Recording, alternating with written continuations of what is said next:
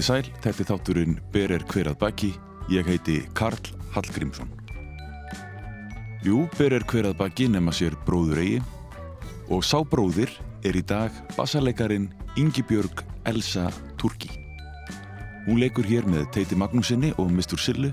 Lægið heitir Ordna. Komdu, ég skal ordna þér við eldin minn Legðu ennið að hjarta mér notalegur Ylurinn. Vertu nú rólegur Vinnu minn. Ég fann engan speking svo spakan Alls bárans reyndust, reyndust þau hjón. Og engan lækni, lækni svo lærðan að lífgað gæti vissnuð blóð.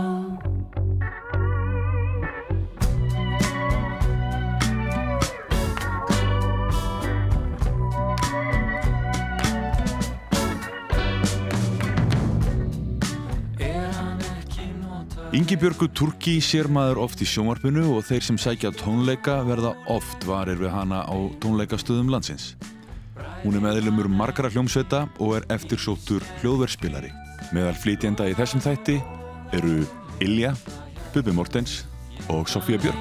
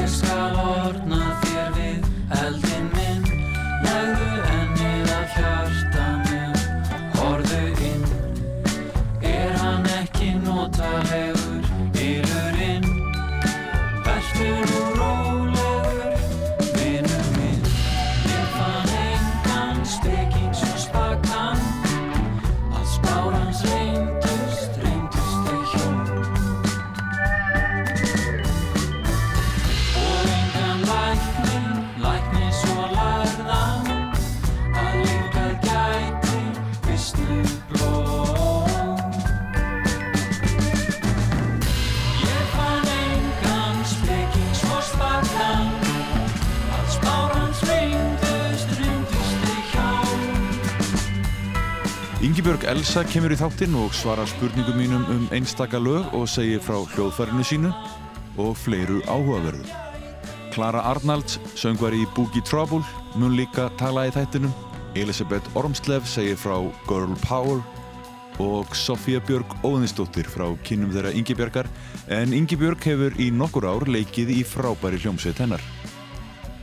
Við skulum byrja á að heyra í Sofíu Björg.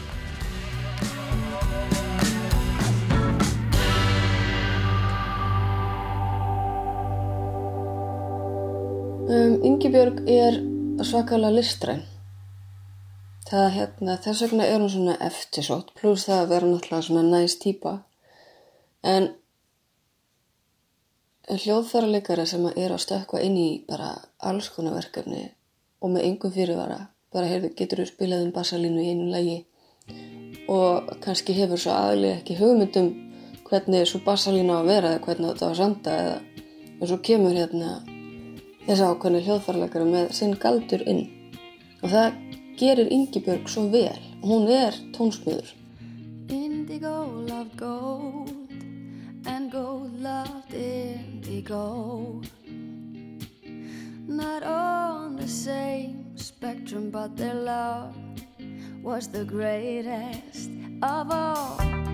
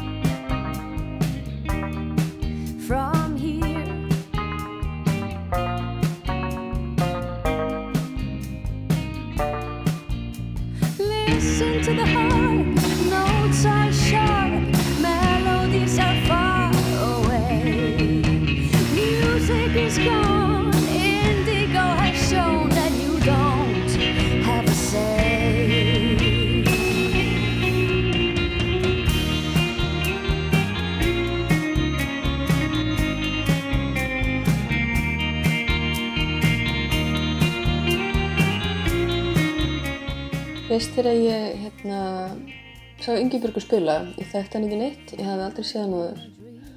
En það var hann að spila á einhverju staðanir bæ, hérna, ég held að það hafi verið einhver svona takkostaður eða eitthvað og það hafi verið ammali, mannaði ekki alveg, þetta var svona meðandag.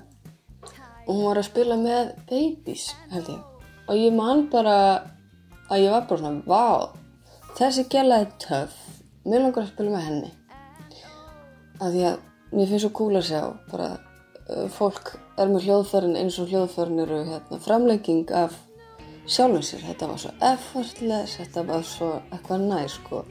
Þetta var svona þetta var svona dásend fyrir hérna eyru og augu og það er líka eitt sem skiptir rosalega miklu máli þegar maður er að koma fram Þannig að ég hérna, hafði samband við hana bara og spurði hvort hann væri til í að tjekka mínu efni. Ég var ekkert eitthvað komin almennilega af stað með það, sko. Og bara við höfum spilað saman síðan þá, alveg bara í þó nokkur ár.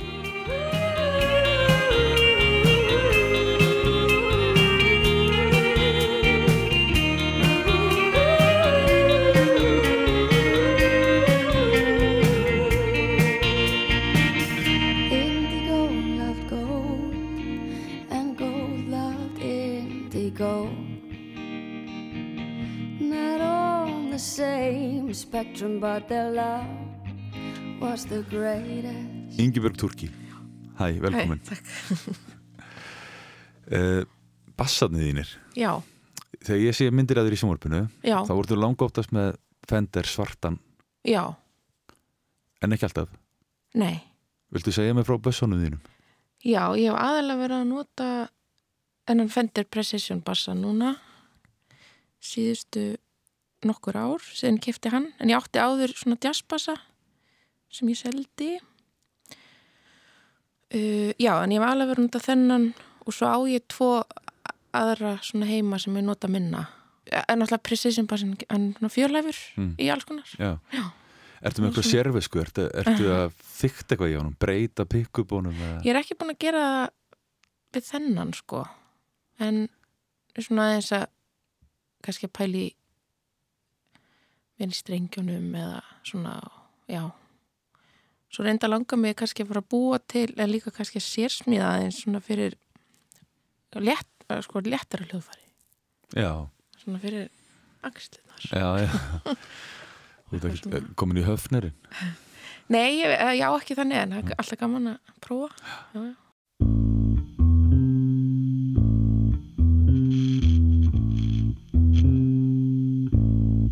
Skiptur oft með stringi? Ekki svo, ekki, nei. Mér finnst það skemmtilegra ef það eru ekki nýjir Mm Ég fíla ekki alveg e- eða bjarta samt. Ok, ertu eitthvað í slípuðum strengjum? Já, líka. Er það á ein- einhverjum hljóðfærum og svo var ég á spárindar núna kannski að skipta yfir í, í flatland og þessum Já, bara næsti kaupi. Strengi. Strengi. Já, já. Ertu, ertu mikill grúskari í rafindadótinu og, og Já, eða ég er bara mjög gaman af petala dóti og grúski því. Svona hljóðheimum og hljó, hljóðum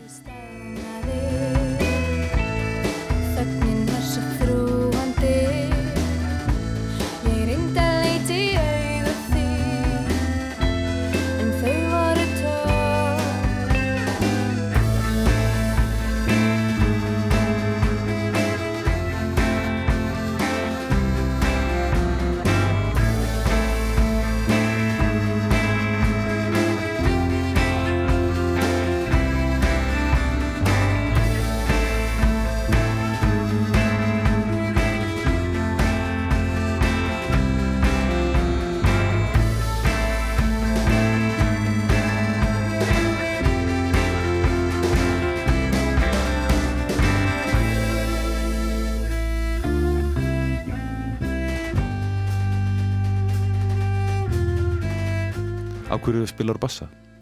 Sko, ég lærði á þú veist náttúrulega bara, já, frá 6 ára til fjó, svona 13-14 í tónskóla byrjaði náttúrulega flautunni og held áfram þar blokkflautunni og svo píano og fór svo gítar og harmoniku en ég lærði það eins en ég byrjaði að passa e- eftir að ég í hljómsveit sem heitir Rökkur og, og en þar var ég fyrst á harmoniku og svona ímislegt annað.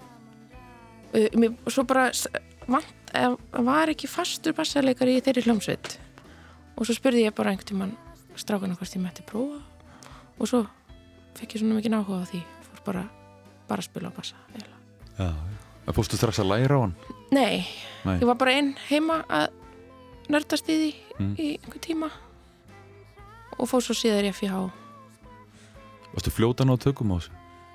Ég held það lókillega ég bara satt svo mikið við og, var, og pikkaði upp allt bara og svona sem er skemmtilegt bassadót svona allt mótandótið og Já. sól svona En núna hefur við sérna hlustum svona eins og ég gerði þennan Spotify playlista Já. með lögum sem þú hefur svona spilað hérðan og þaðan mm. uh, Er eitthvað sem að þú heyrir í þessu sem að sem að uh, er þannig að þú getur bent á eitthvað enginni sem þú hefur sem bassaleikari Einmitt. Ertu melodískur bassaleikari eða Kanski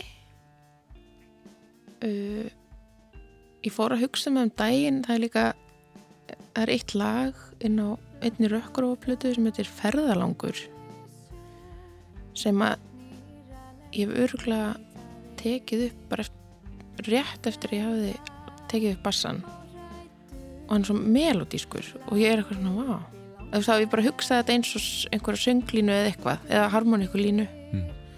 Mér finnst það skemmtilegt Já, bara þegar þú ert bara nýlega búin Já, að taka ég hann var upp, eitthvað, hvaðan kom þetta? Ég var eitthvað, hvernig líka þorði ég að gera þetta? það sem þekktir áður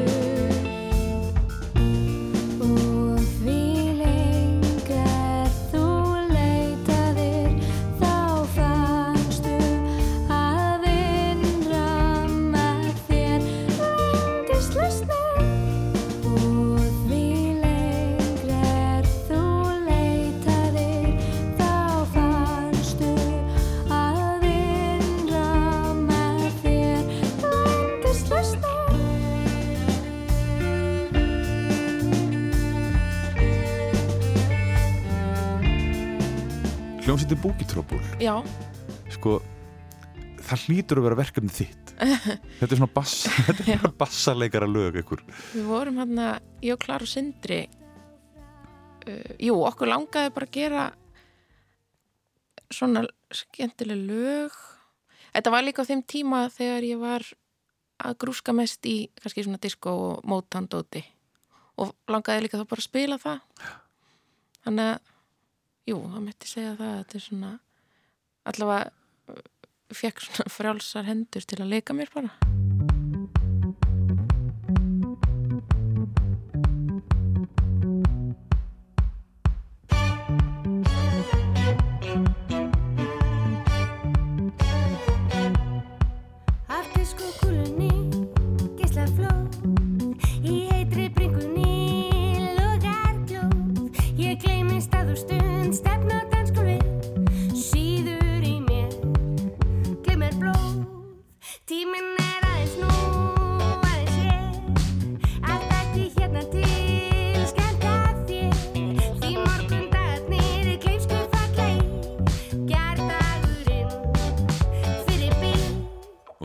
Samið eitthvað af þessu Uh, ég, línunum? tónlistinni Já, við sendum, sko, Sindri samdi nokkur einn, svo sendum við nokkur saman Mm. þannig að þetta var svona líka samvinna og já, og því svona bara þrjú hljómsveitastjórar þarna. já, við byrjuðum á því að hittast upp á lofti heima hjá mér þar sem ég bjó og, og, og svona semja Sindri var, sko, er kæristi bestu vinkunur okkur bestu vinkunur okkur og svona, þetta er svona en er þetta ekki gaman að spila þetta? Jú, mjög skemmtilegt algjörlega, þarna verður að dansa með já maður getur, ver, seg, getur ekki annað en hvernig var að fara með svona mikið stuð í hljóðverð? Ná, nær maður sér í stuð þar? Já, já, gerum þetta allt bara live Já, Saman, auðvitað, eina já. leiðin kannski Já, fannst það, svo það er náttúrulega alltaf eitthvað að laga Já. en að því við vorum líka búin að hérna, spila svo mikið þannig að þetta var þétt Ég heyrði það síðan í Sunnukarinn sem að spilaði á hljómbor hjá okkur um tíma í Boogie Trouble. Já, Hún sagði mér að uppáhaldið hennar í Boogie Trouble varu öll bassadroppin. Hvað er bassadropp? hún er ekki að meina þegar og dettur út og dettur aftur inn hún ekki eitthvað svona kannski dettur út í fjóra takta og svo dun, eitthvað, Og svo innættur. Nei, ég held að klara að útskýra þannig að það er líklega þegar allir hinni þetta út og þú skilja þig eftir eina. Fannst henni það? Já, ok Einmitt á um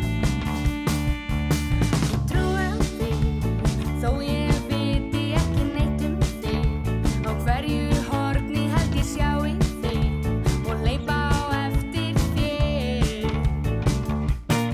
Þessi hressa og skemmtilega tónlist sem við heyrum núna er frá hljómsveitinni Boogie Trouble.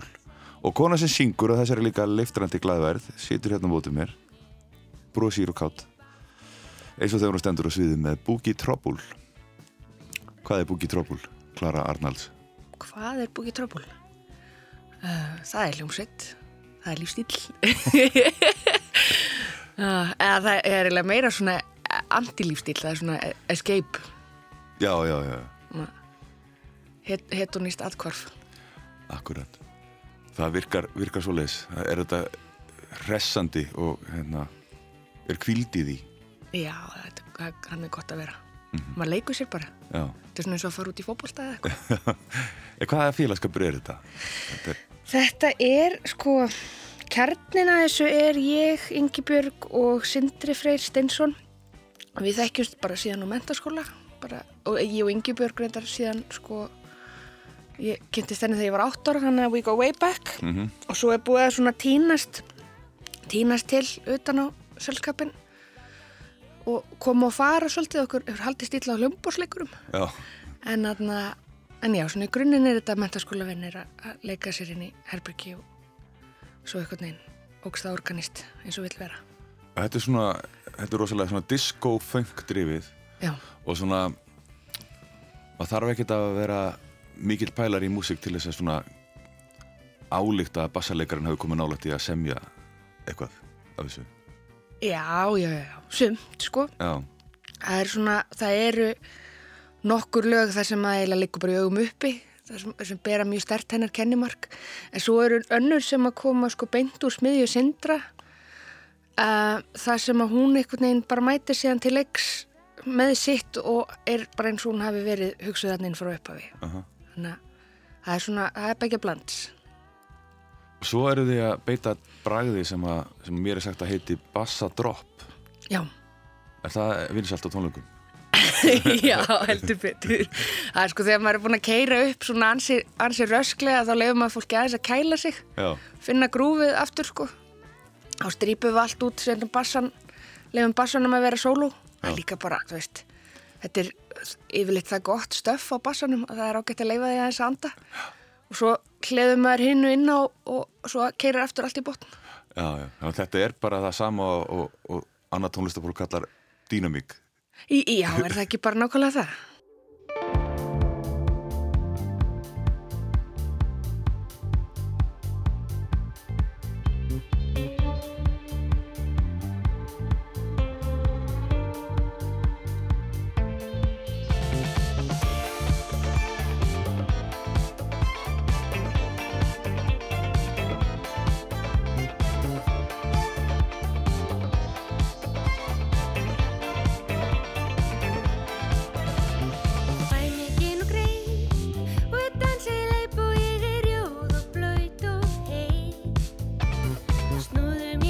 Mér í því Hvað er þetta best að standa á sviðin? Sumur eru með sérvisku í, í þeim efnum. Já, en mér finnst fínt að vera snerilsmegin þessum trómarunum svona, oftast heyra vel í hæhættinu.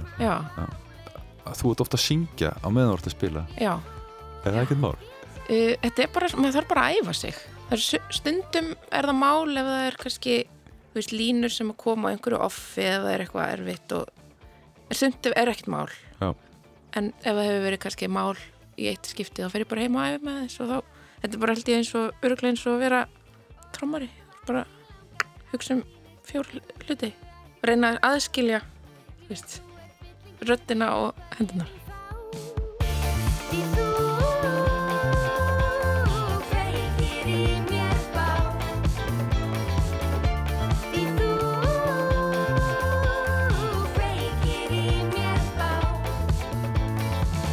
Segðu mér aðeins af svona örygginu, nú ert þú svona andlit hljómsveitarinnar.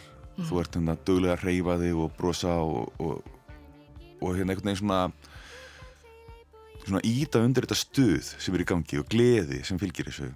Með, þú þarf náttúrulega að einbeita þér við það. En þá þarftu líka að treysta því sem er í gangi fyrir aftan þig. Man, manni virðist þetta vera þannig að bassalegarinn sé, hann er með sitt á hreinu. Þú Já, þarft ekki að já. áhyggjur af því. Lang, lang veist, það er eiginlega svolítið þannig sko að því að Ingibjörg og það var lengst að var það Siggi sem var á trommur hjá okkur. Uh, og þau einhvern veginn bara náðu einhverju syngi horfðust mikið í augu og það var bara svona einhvern veginn, við, við erum með þetta við erum með þetta. Þarna uh, og einhvern veginn restin eða þú veist eins og bara rhythmaseksjón virkar Já.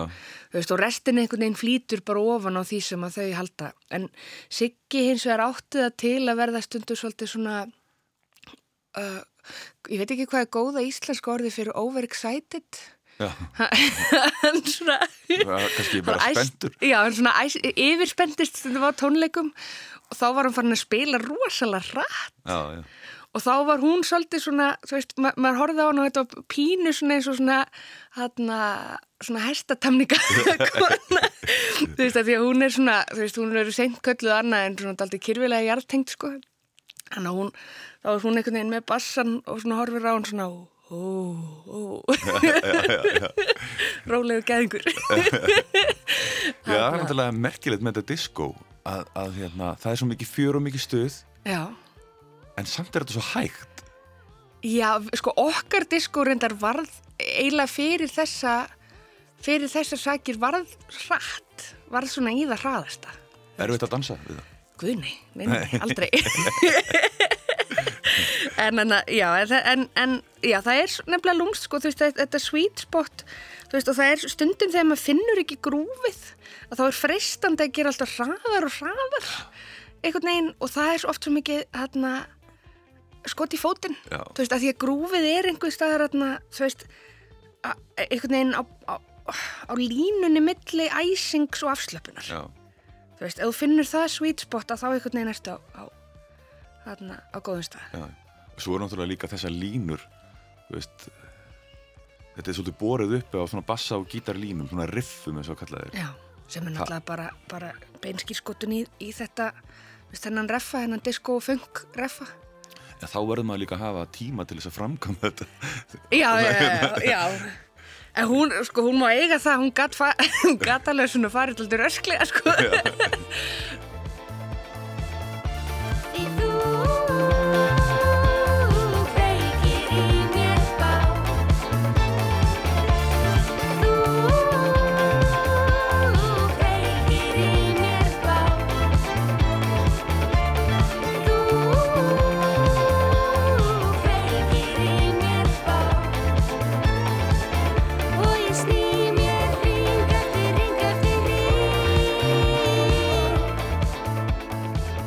var fyrsta lagið. Gin greip var í rauninni, varð bara til í, í svefnarbyrgjunni hjá Sindarfrey og, og varð til þess að hljómsveitum var stopnuð. Af því að við uppgötuðum að við getum gert eitthvað gott ef við sætum saman. Og sögum þess að þá vorum við búin að spila það alveg ægilega lengi. Og það var, við hefum sér að gefið það út og það, við hefum gefið út sem singula og búið að fá fullt af spilun.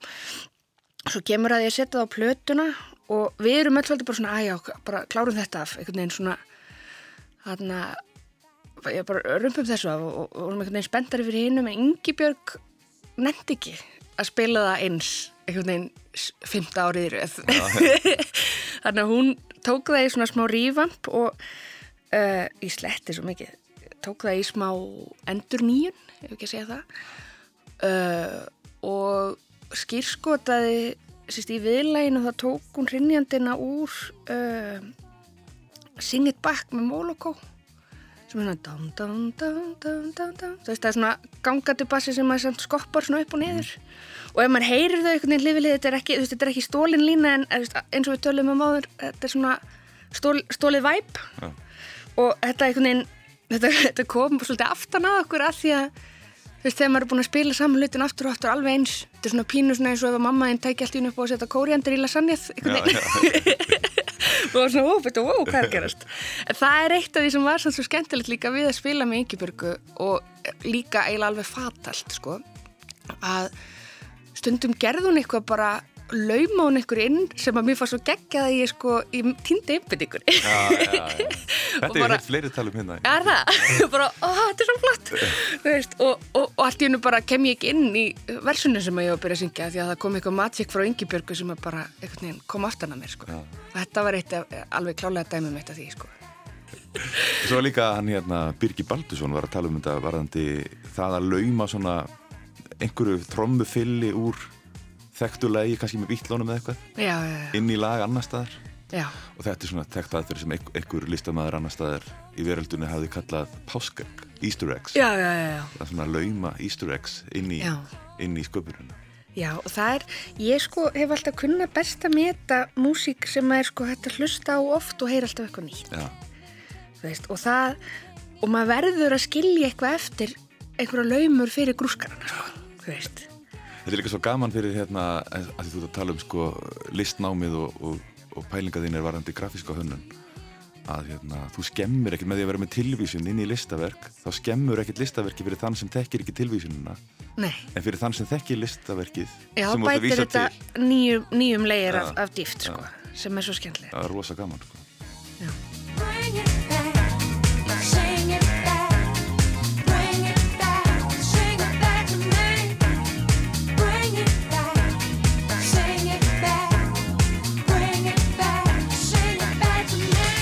Velkomin í þáttinn Beri hverja baki, Elisabeth Ormslef og takk fyrir að koma. Þú þekkir Ingeborgu Turki Já, og þið hafið unnið helling saman. og hún hefur alltaf verið eitthvað svona held að laðast rosalega mikið að henni og hennar bassaleg mér finnst bara hún ég veit það ekki, það er eitthvað við hana, hún er með eitthvað svona magic og svo núna síðastlegin tvö ár er það ekki rétt hjá mér? Nei, jú, eitt og hálf, tvö. Þá hefur hún spilað með mér og Girl Power sem að ég og Salka Sól stopnum af því að við elskum Spice Girls og okkur langaði til þess að spila Spice Girls lagin og þá fengum við sagt, Babies þegar að Ingibjörg var í þeirri hljómsveit til þess að spila með okkur. Og hún hefur spilað með okkur á öllum gegum En hvernig er að standa með svona örugum hljófaraleikar á sviðinu? það er rosalega svona fyrir ekki að ennsku slettuna en svona reassuring. Það er, ég, ég treysti Ingibjörgu svo vel ég þarf ekkert að hafa ágjur á henni hún kann allt sitt og hún, þú veist hún passar upp á að allir í bandinu séu líka með allt sitt á hennu og hún er bara svona já, hún er rosalega solid og ég þarf ekki að pæla í henni. Og það er rosalega þægilegt. Þú veist, ég hef aldrei verið eitthvað svona eru Ingibjörg, þetta er, er vitlega spasalína hjá þér þarna því hún er bara með allt á hreinu og er bara alveg flawless, alltaf. Hún er nú starfar með mörgum og það er býstna fjölbreytt sem hún er að gera. já, Fylgist ekki með henni? jú, jú, jú, jú, jú. Ég spila líka mjög mikið með hérna uh, Hróðmari manninu mennar við, hann er svona go to gítarleikarinn minn. Þegar mér vantar bara svona live uh, kassagítar með mér. Um, og hún er búin að vera sko nýlega í stúdiói að klára ykkur á plötu og það held ég er bara allt svona instrumental dót. Ég held að, ég hef ekki heyrt neitt af því en ég held að sé svona frekar djassað svona meira hennar stíl en svo er hún bara að spila með hinum og þessum hún er alltaf komin í stöðmenn sem er klikkað, það er alveg klikkað stærsta, mest elskaða hljómsveit landsins. Og já, hún er bara að, hún er killing it Mikið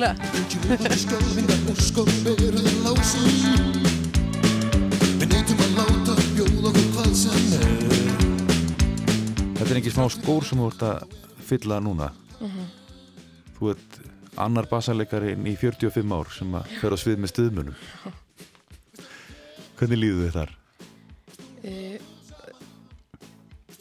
maður vill náttúrulega bara gera það vel svona læra þetta allt pikka upp hver einustu línu og læra þetta bara vel. Er þetta rosalegt heimann á?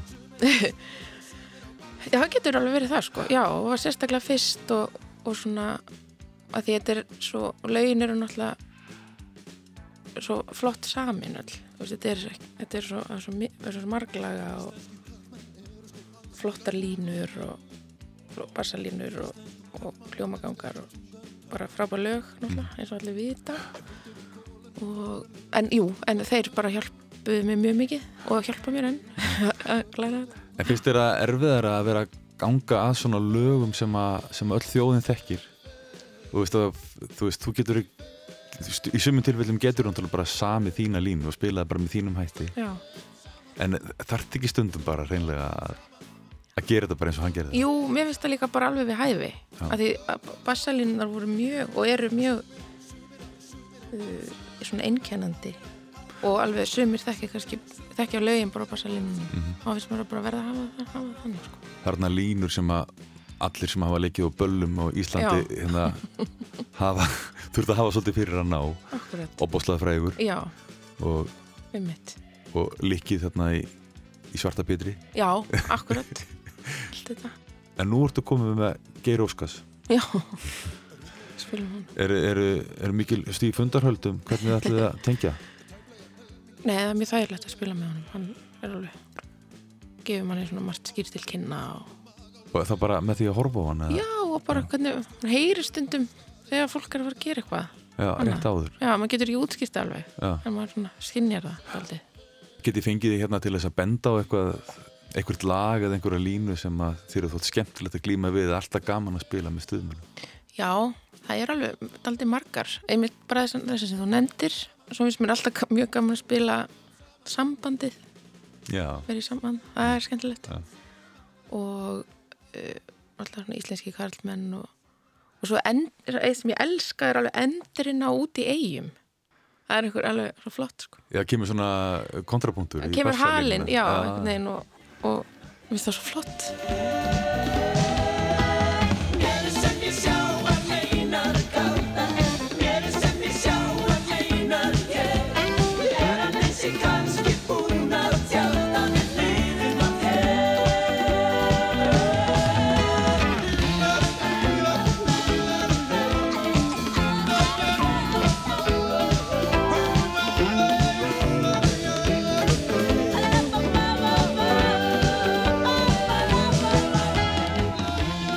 Sofía Björg, Já, það er líka hljómsveit sem er búin að vera starfandi nokkur ár Mhm. svona í og með og þið spiluðu svolítið mikið. Já, hellingur á YouTube, allt rosa flott. Mhm, það er bara fjóramanna hljómsveit. Já, Þú veist, þau eru tvö og gítar, Ben, hérna Pétur Ben og, og Sofía Já. svo eru þau með trómuleikar, hver áttur á trómur? Kristoffer Rodríguez Já, alveg rétt, já, og svo þú bassanum. Já.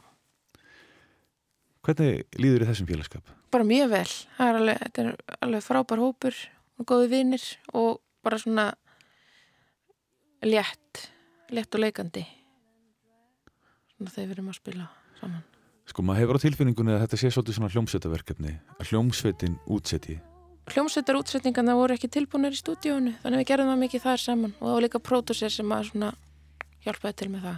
En Sofía náttúrulega á lögin og, og textana og allt það sko. En, en við eigum svona okkar parta og hu- hugmyndir og og manni, manni sýnist líka sko, eða heyrist hérna, að það er svolítið gott pláss. Þið myndið, Já. þið eruð ekki mikið að, að svona hamast öll í einu og það er alveg pláss í hljóðmyndinni fyrir smáatriði trommuleiknum já, og bassalínunum. Já. Það er kosturinn líka við um mitt kannski að vera bara fjögur og Aha. en Ég ætla- rétt Ég ætla að spila lagi sem heitir Back and Back Again. Já, Er eitthvað sérstætt þar? Þetta er gríðarlega vandaði flutningur. Gæða tónlist já. Er eitthvað þarna sérstætt sem þú vilt segja okkur um bassan, upp, mástu eftir upptökunni? Eftir Já, við vorum búin að taka þetta einhvern tímann áður upp áður en við tókum þetta þar. En jú, mér fannst það bara, þetta væri svona eitt að vera opið. Ekki fyll upp í alla þagnir og reyna að fy- fylgja henni röddinni einhvern veginn. Svo náttúrulega er þetta alveg þróast núna í live flutningi en svona kannski það var pælingin í stúdíónu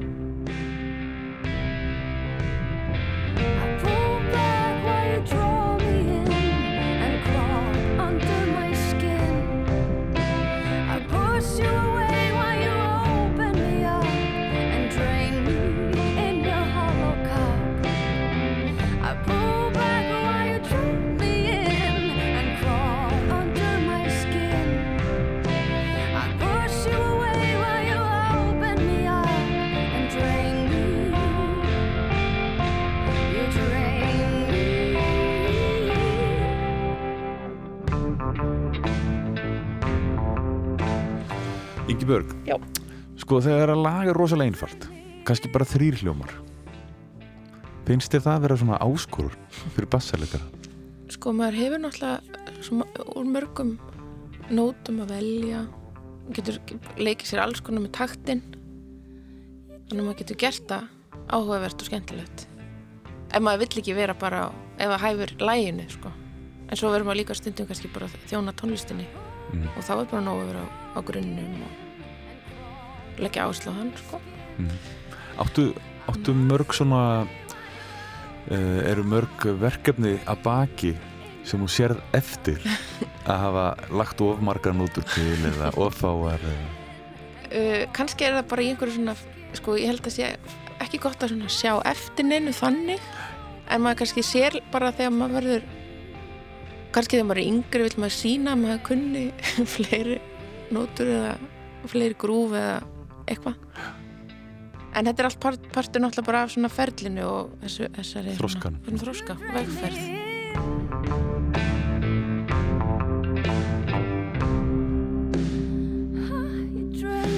Getur þú sagt mér frá fyrirmyndum? Hverjar hver eru þínu Já. fyrirmyndir í í bassa bassal? kannski náttúrulega augljósast ef, ef við myndi nefna eins og Karol K og svona Það stendur úr blæðinu mínu Já, Já, ég fór líka eins og í Skype lesson til hennar.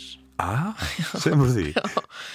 Hérna, Klara einmitt, gaf mér það í ammæliskjöf og frétti af þessu að hún væri að selja svona tíma. Og þá bara mæltu okkur mót á netinu. Maður pínur kannski svona feimin en hún var bara, já, segja alls konar skemmtilegt og spila og láta mig spila og eitthvað svona. Ekta amerikani, hún er rósaðir, Já, er það ekki? jú, og, og svona og er, svo er hún bara svo mikill reynsluboltin alltaf, að, Já. með svona ráð Og þetta er orðað að gagni? Já, já, alveg örgulega og bara kannski svona allt hennars, Þau hlusta svolítið á hana? Já, Svona, hlusta eftir því að algjörlega. Og James Dimison þá líka? Já, ég lærði það allt út Já, svona á sín tím. Bara það var skemmtilegt. Uh, En svona nýrra eitthvað? Nýra Já, ég, ég er náttúrulega mjög hrifin af skóla Sverris og hvernig hann spilar og, og hvernig hann nálgast músík. Mm það er svo margir og svo er líka ekkit endilega bara bassa leikarar, það er bara svona alls konar tónlistafólk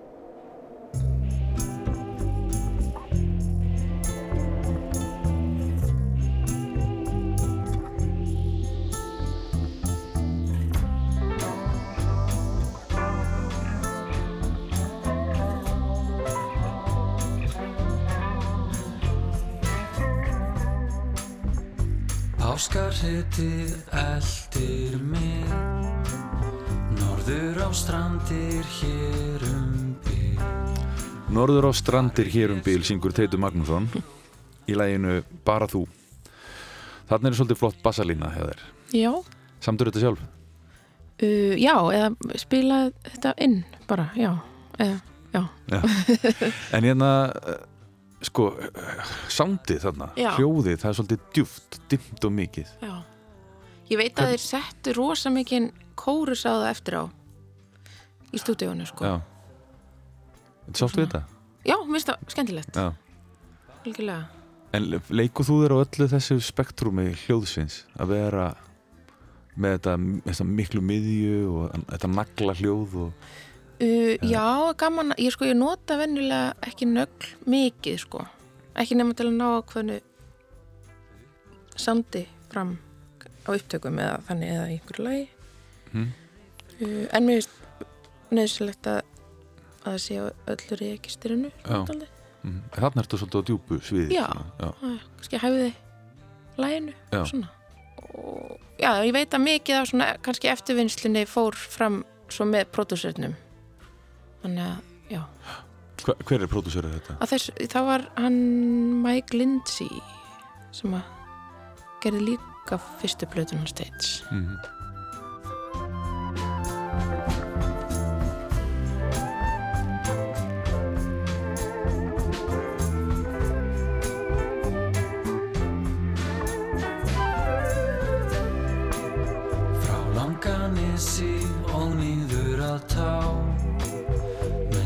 eldast friðlaust við sína þrá. Að lokum eldast og við sínin á. Þeim fallast hendur þeim fórna og sjá. Þeim varð á þau sældin bjó í þeim sjálfum. Og hver heilvita maður Erðu, segðu mér Klara, ef við skoðum eitthvað annað en búkitrópul í hljóðrutun og sögu hennur Ingibergar sem spanna nú kannski svona tíu ár eitthvað svo leis er eitthvað annað sem þið langar til þess að benda á? Eitthvað sem að þú hefur sérstaklega ég veit að þið eru náttúrulega vinkonur og svona þannig að þú hefur vantilega fylgst með henni. Áttu ekki eitthvað svona uppáhald núna sem þú getur bent mér á?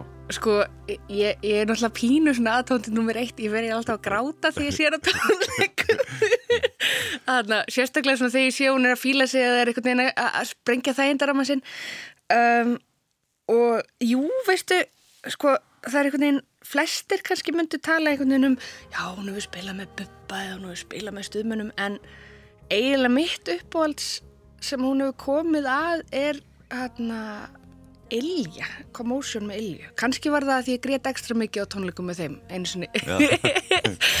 Þarna, en þá sko, hún fær eitthvað í hendurnar sem er einhvern veginn í grunninn rosalega einhvern veginn jarðbundið og svona svolítið, uh, svolítið hefðbundið form, einhvern veginn þetta fólk, veist, og þær eru búin að vera að spila saman lengi, Ilju systur og aðna er einhvern veginn með sitt alveg meitlað og svo kemur hún inn í nýtt efni og fær svolítið svona lausan tauminn og maður finnur svo mik mikla yngibjörgu á köflum Já, já. og kannski sérstaklega uh, það er, ég held að sé lokalæði á Commotion plötunni sem að ég man ekki hvað heitir Þú ert ekki að tala um lagi Dim Já, já, já, já, dimm. Uh, þar á hún einhvern veginn svo geggjaðan sprett eh, og þetta er svo fallet að þetta er lokalæð og þetta er átróið í lokalæðinu. Þannig að hún einhvern veginn svona færi eiga sinn svona kveðjusöng líka og leikur sér og já, ég held að þessi uppáld. Við skulum hlusta þetta Já.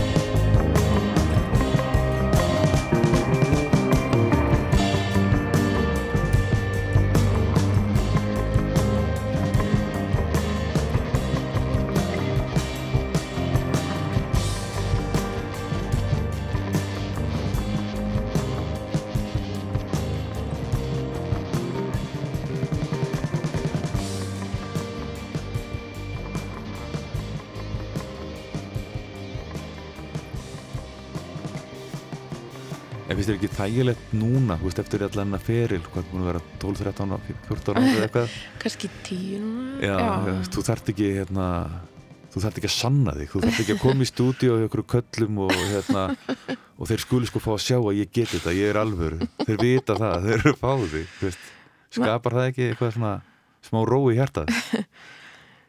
já, svo kannski líður manni alltaf þannig Já, og það, maður sé ekki búin að ekki búin að því, nei, ég veit ekki það lítur að vera trublandi fyrir sköpunina.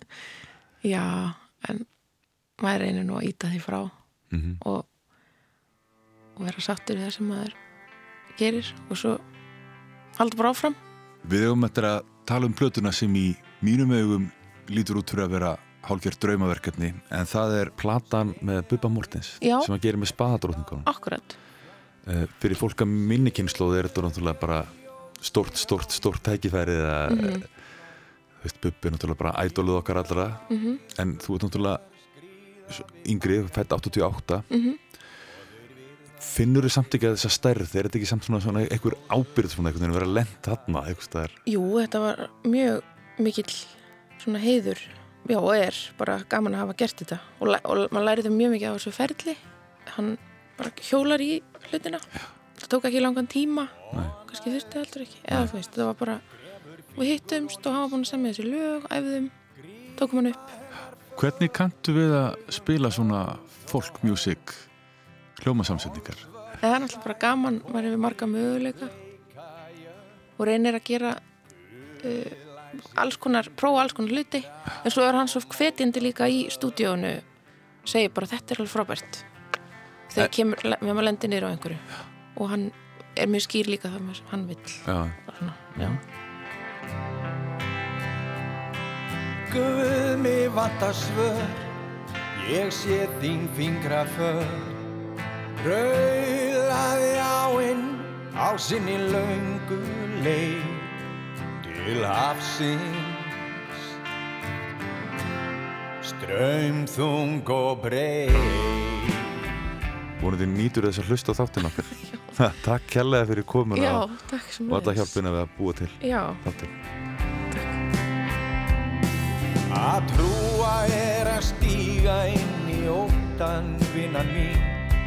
Og efast eina stund en hinn að fá sín og leita svarað einst þar sem sólinn skín þegar efans grá á sjón við þér gín Ég ætla að enda þáttin á þessu lagi Bubba Mortens og Spadadrottningana Lagið heitir Ég er þitt svar.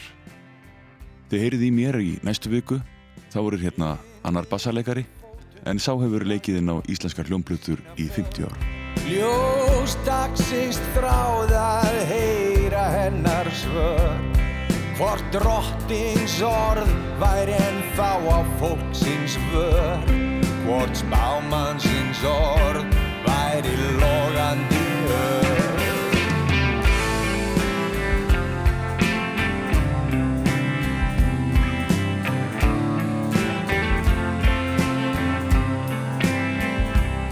Ó Guð er ég þitt svar, er ég þitt fingra far,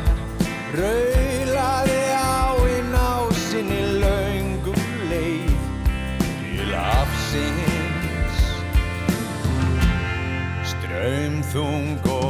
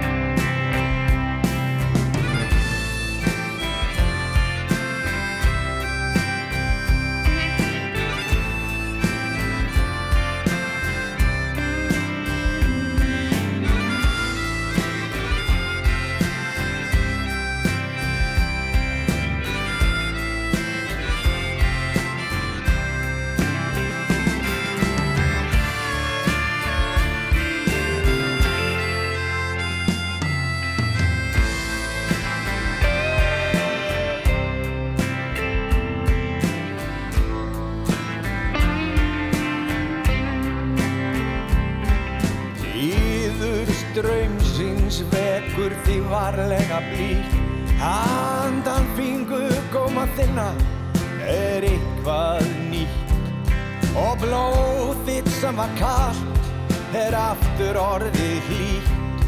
Og það sem svart var orðið er á nýjal hvít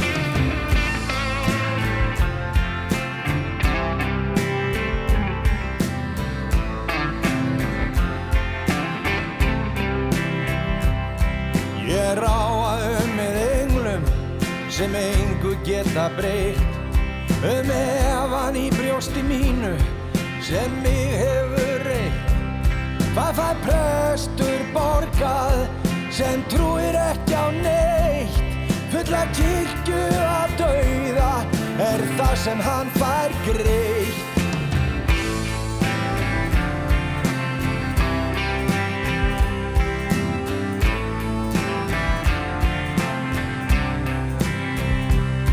Ó Guð er ég þitt svar, er ég þitt fingrafar, sög